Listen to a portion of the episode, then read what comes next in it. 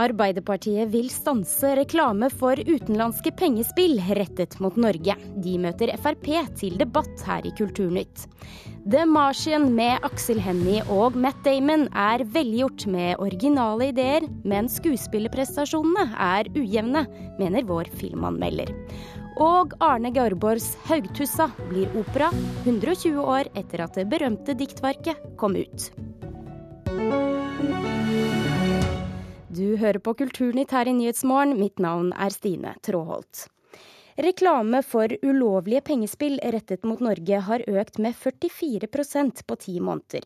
Det viser en undersøkelse Nielsen Media Research har gjort på oppdrag for Medietilsynet og Lotteritilsynet. Som vi hørte i Dagsrevyen i går, vil tilsynene nå prøve å få stoppet disse reklamene fra å bli vist på norske TV-skjermer. De får støtte av Arbeiderpartiet, som snart møter Frp til debatt her. Men først litt om reklamen som du som TV-seer helt sikkert har lagt merke til. Rune har jo slitt. Nå kan du spille mens kampen pågår. Rune til gigs. Registrer deg nå og velg mellom 12 000 kroner i bonus, 500 gratisspinn eller din egen variant. Seks rette gir ti millioner. Det blir stadig flere reklamer for utenlandske spillselskap og nettkasino på norske TV-skjermer. Dette er pengespill som mangler løyve til å drive i Norge. Auken i slike reklamer uroer direktør i Lotteritilsynet, Atle Hamar. Det er klart jeg er uro over den, fordi at eh, pengespill forårsaker store problem hos enkelte. Det blir utvikla spilleproblem. Det er eh, så kraftig markedsføring av utenlandske pengespill som gjør at opinionen tror at dette er lovlig, men det er det ikke. Dette er strengt forbudt, og det er det vi nå prøver å gjøre noe med. I Norge er det Norsk Tipping og Norsk Rikstoto som har monopol på pengespill.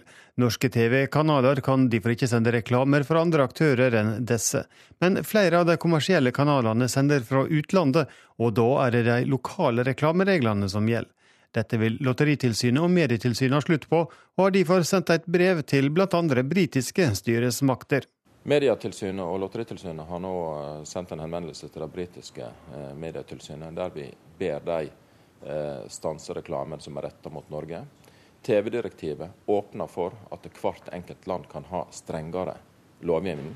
Når vi ser at 90% av all reklame på pengespill kommer fra utlandet, og de norske lovlige, Norsk Tipping og Rikstoto, bare står for 10% så er dette så overveldende at britiske myndigheter nå må ta tak og stanse denne reklamen.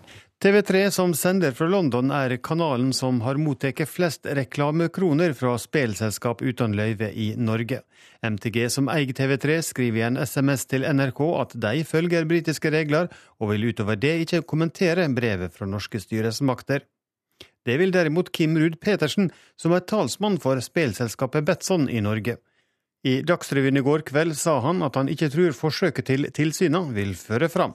Poenget deres er at det er kun Norsk Tipping og Norsk Rikstoto som har lov til å sende reklame i Norge. Vi sender reklamen der vi har lov til å gjøre det, og det er fra utlandet.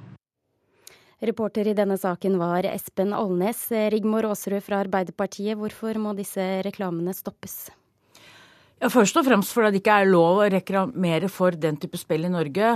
Og det er ikke noe tvil om at så aggressiv markedsføring som vi ser nå, det vil gjøre at du trigger spillet genet til en del mennesker, og da får vi flere som blir spillavhengige. Det er jo grunnen til at vi har et monopol i Norge. Og jeg mener at de reglene vi har i Norge er gode, fordi vi har klart å redusere det med spillavhengighet, som er veldig krevende for de som uh, rammes av det. Og når du får så massiv markedsføring som det du ser uh, kommer inn mot det norske markedet gjennom de kanalene som uh, da sender fra utlandet, så er det viktig at myndighetene gjør noen grep. Så vi støtter fullt og helt opp om det arbeidet som regjeringa nå gjør med å finne løsninger for å tøyle det her. Mm, Ib Thomsen fra Frp, det er ikke lov, da burde det være greit? Ja, eh, hvis man er inne på dette med spilleavhengig, så er det 20, 22, 000, 22 000 mennesker som er spilleavhengige i dag med den dagens ordning. Og den mest aggressive er nok eh, Norsk Tipping. Men eh, ja, jeg vil ikke at vi skal stenge noen TV-kanaler, verken fra utlandet eller innlandet. Vi lever i en global verden.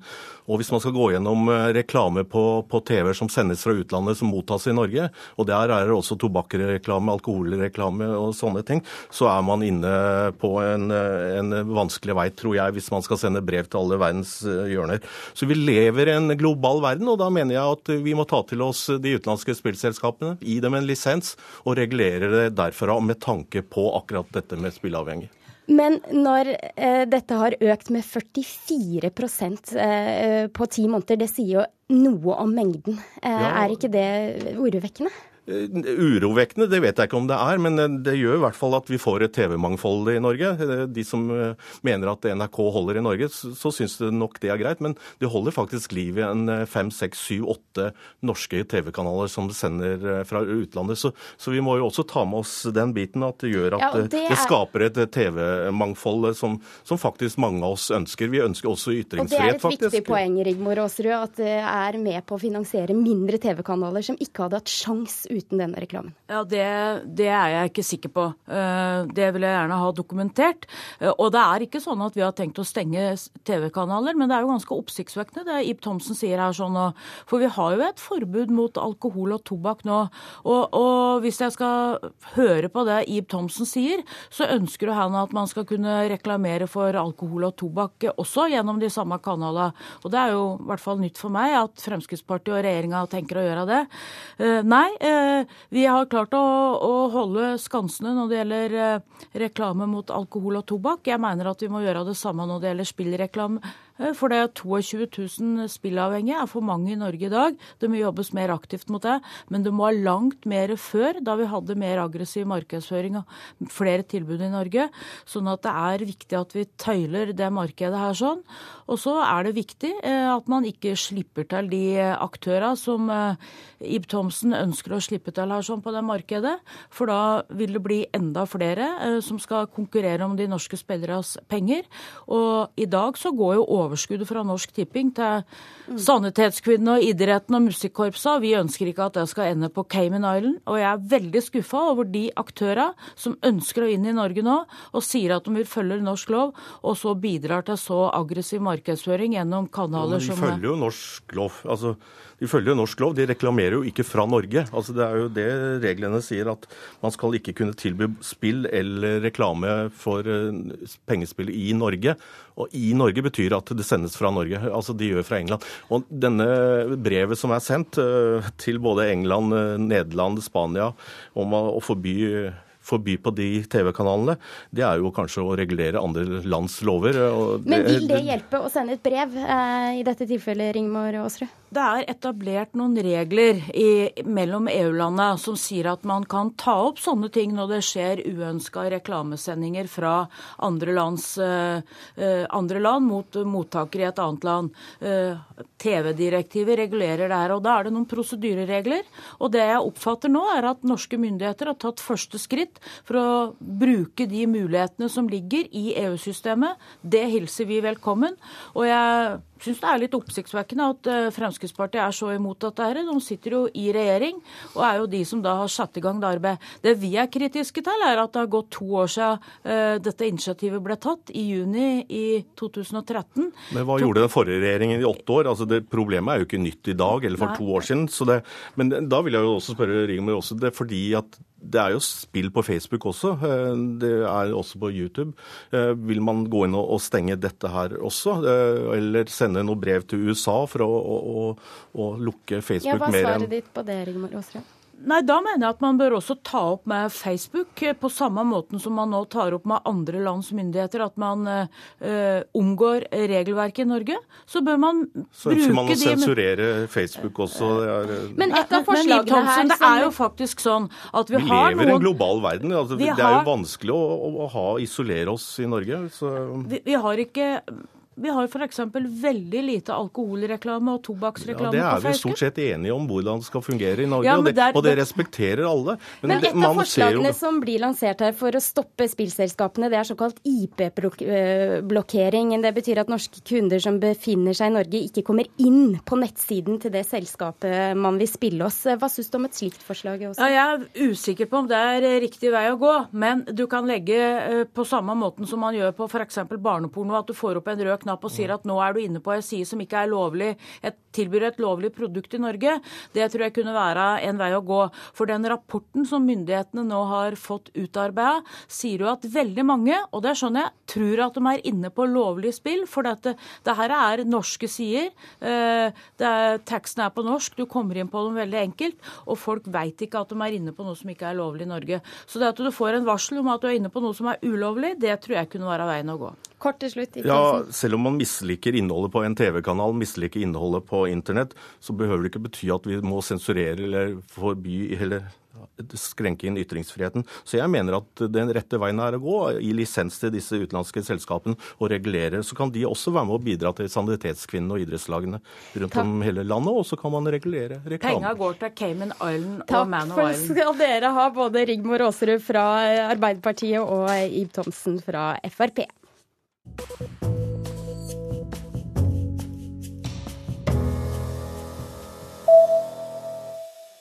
Arne Garborgs berømte diktverk 'Haugtussa' og oppfølgeren 'I Helheim' blir nå opera. Ole Karsten Sundlisæter har komponert musikken, og nå skal en konsertversjon urfremføres under Oslo Operafestival i november. 120 år etter at 'Haugtussa' ble skrevet. På samme måte som Grieg har sagt, at musikken bare er spredt ut. Det har faktisk jeg opplevd i det her. Melodier til meg har kommet veldig lett. Komponist Ole Karsten Sundlisæter har laget musikken til en ny operaversjon av Arne Garborgs berømte diktsyklus 'Haugtussa'. Om Veslemøys vei fra ung jente til moden og vis kvinne. Vi tar uh, Det er juletid, det er annen dag.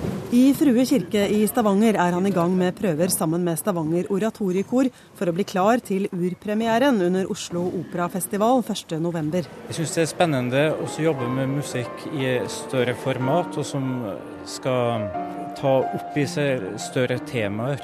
Og da var Haugtussa veldig nærliggende å starte på.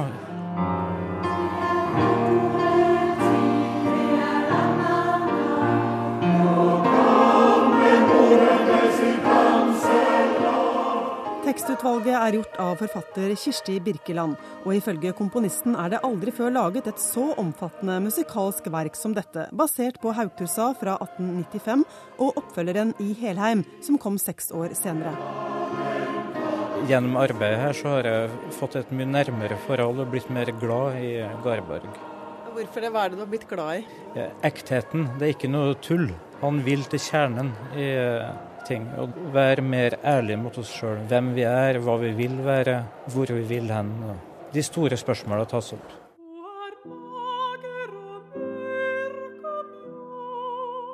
Edvard Grieg tonesatte åtte Haugtussa-dikt, og flere komponister har laget serier med Haugtussa-sanger. Det har også vært noen sceniske versjoner, som ved Rogaland teater i 2011. Og om vi kjenner gråt og gru og saknadssår, så må vi lerkesonger tru, som lover vår. Men nå kommer altså den første store operaversjonen, 120 år etter at Jærens store dikter skrev det berømte verket om Veslemøy.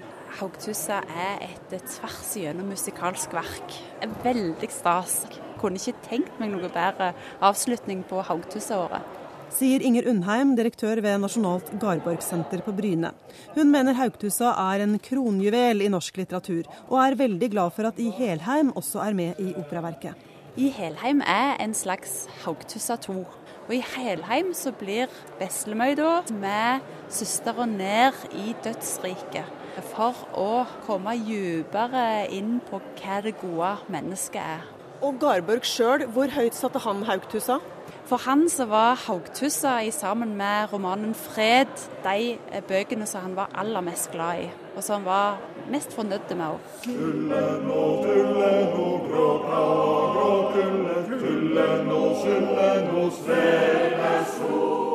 Det er veldig melodiøs eh, opera. Hvordan blir dette i forhold til Grieg, da? Rytmen i tekster gjenspeiles eh, selvsagt i eh, begge musikkuttrykkene, men mitt uttrykk er mer fritonalt. Du vil, eh, vil ikke høre noe Grieg her, men du vil høre at det er inspirert av de store romantikere.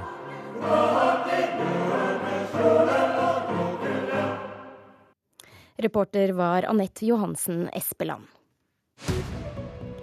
Du hører på Kulturnytt, og klokken er snart eh, ti på halv ni. Og dette er eh, hovedsakene her i Nyhetsmorgen. Det skal bli langt vanskeligere for i, sjefer i offentlig virksomhet å få etterlønn og retrettstillinger når de slutter. Regjeringen endrer reglene.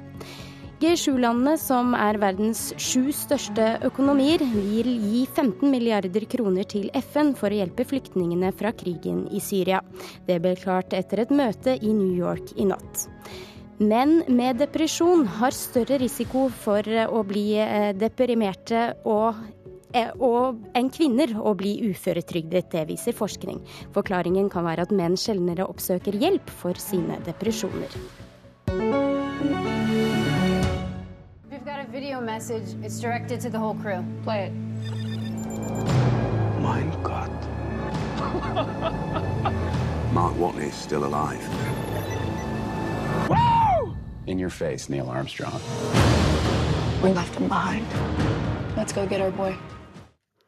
Ridley Scotts eh, nye storfilm om astronauten Mark Watneys ekspedisjon til Mars er klare for norske kinoer. Og her hjemme så er mange ekstra spente, for på rollelista, sammen med Hollywood-stjerner som Matt Damon og Jessica Chastain, så finner vi Aksel Hennie. Og hvordan klarer Hennie seg i dette selskapet, filmanmelder Einar Gullvåg Staalesen? Han har ikke mye plass. Han har en av de ganske små rollene. Han er til stede mange steder. Han eh, poserer eh, greit, har eh, deltakende ansiktsuttrykk, men han, han er ikke med i mer enn en fem-seks replikkvekslinger. Så det er en rolle som har sett mye større ut i norske medier enn den er i virkeligheten. Nå kan det jo hende at den er blitt mindre etter hvert, men Ridley Scotts regi er slik at han konsentrerer seg om noen mennesker og lar de andre være til stede og i mindre grad, grad deltakende. Ikke slik at de fortrenges på noen måte men de er ikke aktive i, i, handlingene. Men klarer han likevel å spille ut den eh, lille rollen han har, eh, har? Jeg tror ikke dette er av betydning for hans videre karriere. Det er heller ikke den, den helt, helt, store filmen. Eh, den er veldig stor i økonomisk forstand og i produksjonsmessig forstand, men det er ikke den der som man, man kommer til å merke seg birollene i hvis, man, hvis det går litt tid. Det er vel kanskje bare oss nordmenn nordmenn som legger merke til at Aksel Hennie er der. Kan du kort fortelle litt om eh, denne filmen? Ja, altså Matt Damons rollefigur, Mark, havner på Mars alene. Altså, han er der sammen med kolleger, eh, rom, eh, astronauter, men romskipet deres må Eh, evakuere pga. en ekstrem storm som inntreffer. Og han kommer ikke med. Kollegene tror han er drept av, av løse gjenstander som flyver i luften mot han. Han klarer seg selvfølgelig, det er jo derfor det er laget film. Og han eh, inntar dette forskningslaboratoriet som de allerede har bygget på Mars. Det er jo my veldig mye fantasi, selvfølgelig, dette her. Vi skal ikke på noe som helst tidspunkt tro at det er et, et forsøk på virkeligheten, eller fremskriving av virkeligheten. Men det gjør det ganske morsomt. Altså, den, den fantasien eh, gjør både typen og oppholdet hans ganske morsomt oppi all dramaet og all usikkerhet om hvorvidt han kan komme tilbake til jorden igjen. Vi som har sett mye film, vet jo at det går greit, men uh, de skal jo ikke plage oss. Men altså, han dyrker poteter der oppe. Eh, veld, veldig interessant. Han, han, slår opp et eh, slags drivhus inne i dette forskningslaboratoriet og klarer å lage kondens på plasten, eh, slik at potetene får vann. Og så gjødsler han med sitt eget, sin egen bæsj, som det er oversatt til norsk.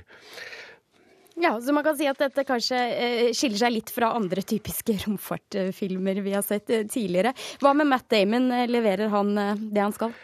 Ja, jeg syns han leverer litt i overkant. Han, han, er ganske stor i mimen. Han går og tygger på, småtygger på ting hele tiden for å virke litt aktiv. Og eh, han når, når, man ikke tror på historien, og når man ikke skal tro på historien, så bør man tro på menneskene. Og jeg syns ikke han er helt riktig til stede i disse dramatiske situasjonene. Det, det er i overkant. Eh, det gjelder flere roller, men Jessica Chastain er veldig fin i, i sin rolle, syns jeg, og Sean Bean i sin. Men for øvrig så er det eh, mye blandet her. Eh, Jeff Daniels er NASA-sjef. Eh, og en, en sånn skikkelig stereotyp eh, fra, ikke fra NASA, men fra film om NASA, som er veld, veldig handlekraftig og sier sånn skal det være. Tar det ni måneder å bygge det romskipet, så gjør det på tre. Det er Einar Gullvåg Staalesen, helt kort til slutt her nå. Vil du anbefale denne filmen?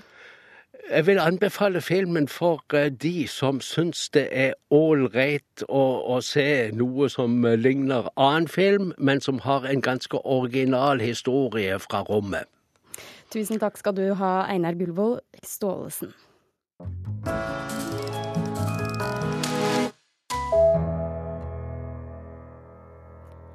På fredag så har forestillingen Jeg feirer livet kunsten å leve med kreft premiere i Tromsø. Og nå i oktober så skal den også på turné rundt omkring i landet. Og bak stykket står du, Linda Persen. Eh, hvorfor ville du lage en forestilling om kreft, av alle ting? Eh, jeg ønska å jobbe primært som foredragsholder, og, eh, og, fikk ideen eh, midt i et foredrag om at jeg ønska å formidle et budskap på en ny arena. Og så fikk jeg sjøl kreft for to år siden, så det ble på en måte bakt inn i foredragene mine. Så det var en, et ønske om å formidle noe. Du har laget en eh, monolog. Eh, inni den monologen så er det, selv om dette er et alvorlig budskap, så er det mye humor. Eh, er dette noe du ønsker å tulle litt med? Ja, jeg tror at vi trenger mye mer humor i livet. Og tenker når du får en sånn diagnose som kreft, så, så har du har hele tida et valg om du vil legge deg ned og bare synes synd på deg sjøl, eller om du kan velger å se humoren i det. Og det tror jeg humor er en eh, overlevelsesmekanisme og en måte å, å gjøre at du kan snu på ting. Ja, har du noen eksempler da på hva du tuller med? Eh, nei, jeg tuller med annet i monologen, så jeg har jo uhelbredelig kreft. Og, og da kommer jo døden opp som et tema. Så jeg velger å, å, tulle litt med det, det også. Det å, jeg hadde en episode annet som som eh, skjedde når jeg var helt uten hår. Så eh, var vi i Oslo og ei venninne og skulle, skulle, spise mat, så var det så lang kø, så vi fikk ikke noe bord. Så da tok jeg bare av meg hua, og så, eh, og så tok hun venninna mi tak i kelneren så sier hun til han du, kan ikke vi få et bord, vi er ute på et siste måltid. Så det er ganske brutalt, men den, ja, det senker skuldrene litt å bruke humor, tror jeg, også for dem som er rundt. Ja, Du sa jo det at du lever selv med denne sykdommen. Eh, hvilke av dine erfaringer nå fletter du inn her? Og det er veldig mange av det, for det, det er jo mye historie jeg, deler. Men også det bl.a. det også, å tenke litt helhetlig. For jeg tror vi, vi blir litt enspora med Når vi får en sånn diagnose, så blir vi satt i en bås med en gang og er en stakkars, stakkars kreftpasient. Eh, mens det går an å kanskje finne vår egen vei å gå. Og det å eh, ja, leve livet. Jeg har, jeg har, valgt å ikke være sykemeldt, annet. Jeg har jobba hele veien, og det tror jeg er en av årsakene til at jeg er så frisk som jeg er i dag.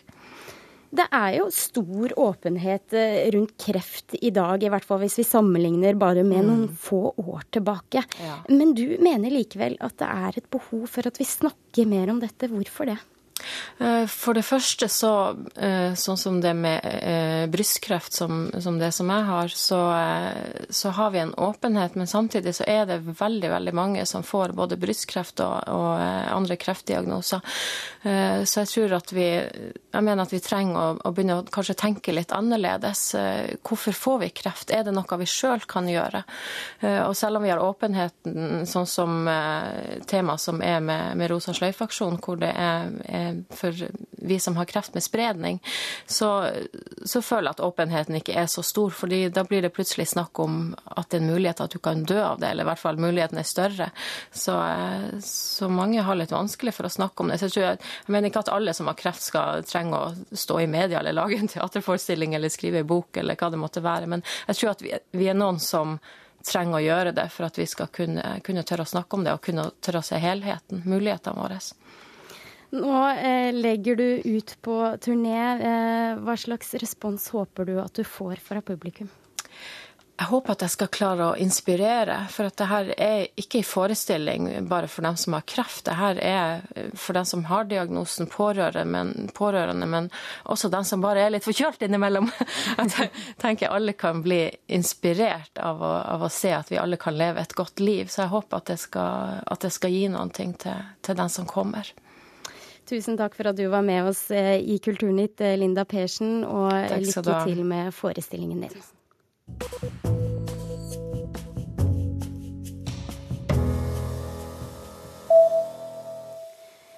Amerikanske Brown University har trukket tilbake æresgraden de ga til Bill Cosper i 1985. Årsaken er de mange overgrepsanklagene mot komikeren. Det skriver bl.a. Huffington Post.